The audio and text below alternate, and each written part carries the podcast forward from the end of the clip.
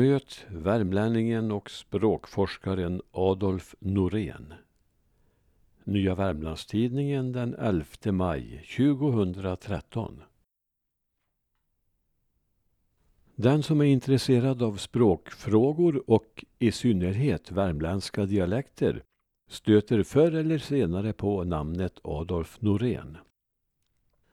Redan under studieåren fick jag viss kontakt med hans beskrivning av Fryksdalsmålet. Hans doktorsavhandling Fryksdalsmålets ljudlära från 1877 var enligt Nationalencyklopedin den första svenska dialektbeskrivning som grundades på vetenskapliga fonetiska principer. Dialekten togs alltså på allvar här. När jag mera ingående började studera mitt eget modersmål, Dalbymålet, blev jag glatt överraskad över att Norén hade ägnat också detta språk sitt intresse. Han kom redan 1879 ut med Dalbymålets ljud och böjningslära och att han så snabbt kunde sätta sig in i Dalbymålet berodde säkert på de stora likheterna mellan detta mål och Fryksdalsmålet. Hans analyser av de olika språkljuden är ingående och bland annat urskiljer han i Dalby 15 olika vokalljud. Av dessa är några försvunna eller finns möjligen kvar hos någon äldre person. Av de 15 vokalerna är 14 betydelseskiljande. Norén noterar också att konsonanterna N och L ibland fungerar som vokaler det vill säga att de är stavelsebildande i ord som vatten och odl, alltså odla. Mycket mer skulle kunna sägas om Noréns studier av värmländska mål, men han uträttade också så mycket annat som är värt att omnämnas. Jag träffade på hans namn igen förra året då Olle Söderberg i Västra Ämtervik filade på ett föredrag om landsmannen Norén och ställde mig en fråga om ett specifikt språkljud i Dalbymålet. Mitt intresse för Norén väcktes åter genom Olles gedigna föredrag. Adolf Norén föddes på Herrestad i Östra Ämtervik 1854.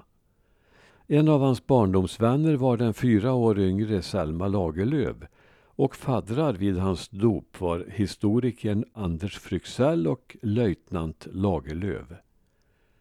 Selma själv har i ett barns memoarer berättat hur trevligt det var att besöka norenarna på Herrestad. Släkt var de inte, men släkt med släkten och det var ju nästan samma sak, tyckte Selma.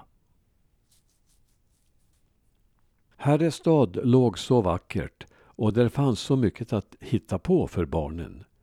Och Adolfs pappa, kommissionslantmätaren, var populär bland dem för han leker med sina barn och är snäll mot dem alldeles som vår pappa, konstaterade Selma och kallade honom morbror. Den unge Adolfs begåvning upptäcktes snart och han fick ekonomisk hjälp av släkten att studera. Han blev student i Uppsala 1871 och filosofie doktor 1877. Hans ämnen var historia och filosofi men Mårten Richards inspirerade föreläsningar i nordiska språk fick honom att sadla om till språkvetenskap. Och det kan ju vi klarälvdalingar och fryksdalingar vara tacksamma för. Från 1887 var han professor i nordiska språk vid Uppsala universitet. Förutom studier av de värmländska dialekterna ägnade sig Norén åt de flesta disciplinerna inom språkvetenskapen och bland hans många verk finns Vårt språk, ett storverk i nio delar. Hans fullständiga CV är för lång för att passa in i en krönika. Adolf Norén blev 1919 kallad till ledamot av Svenska Akademin där han satt på stol nummer 12. På en annan av de 18 stolarna satt redan en annan person från Östra Ämtervik, nämligen hans gamla lekkamrat Selma Lagerlöf. Ingen dålig representation från en liten Värmlandsförsamling. Inom parentes kan sägas att tidigare nämnde Olle Söderberg har räknat ut att om Uppsala hade haft samma procentuella representation skulle staden ha haft 365 akademiledamöter. Rättstavningen blev en hjärtefråga för Norén. Han tog upp kampen mot den gammalmodiga stavning som tyngde det svenska språket och förespråkade varmt ett närmande till talspråket. Man skulle stava och inte stafva och sluta skriva t-ljudet med dt. Men den tidens lärde ansåg detta förslag på tok för radikalt för att kunna genomföras. Noréns motståndare vann, men han fortsatte sin kamp. En framgång för honom blev stavningsreformen 1906, även om den inte nådde det mål som man hade satt upp.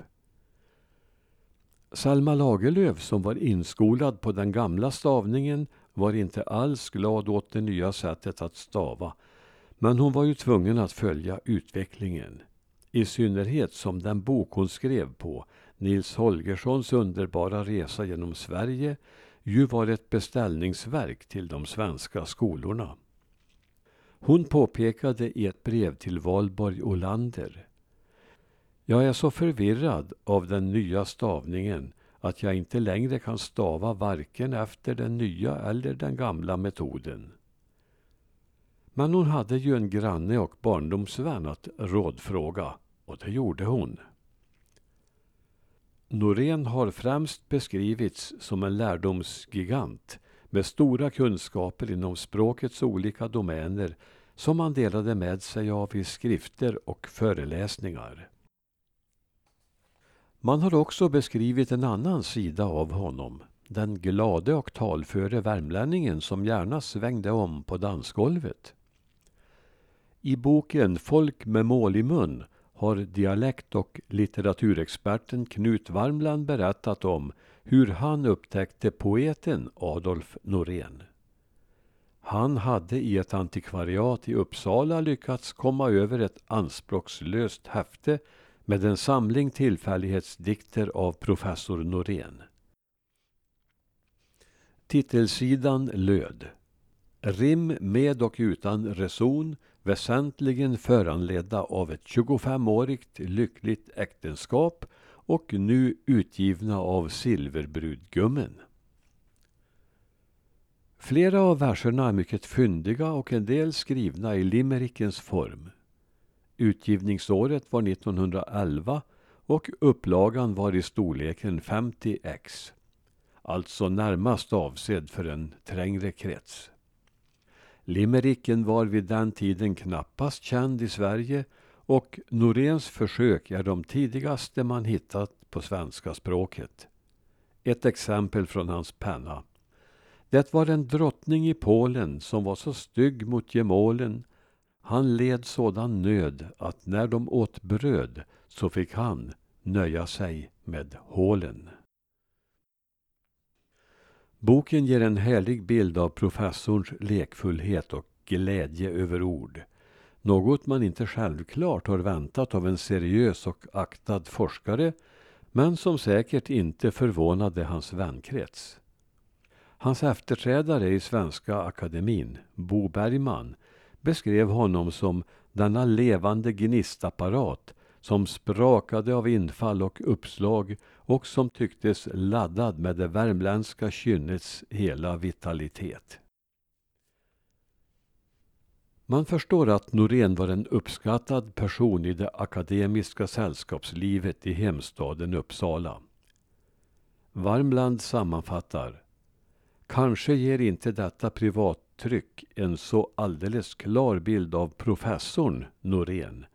Men Fryksdalingen Norén märks tydligt. Och Wikipedia berättar att Adolf Norén ligger begravd på Uppsala gamla kyrkogård. Han avled 1925.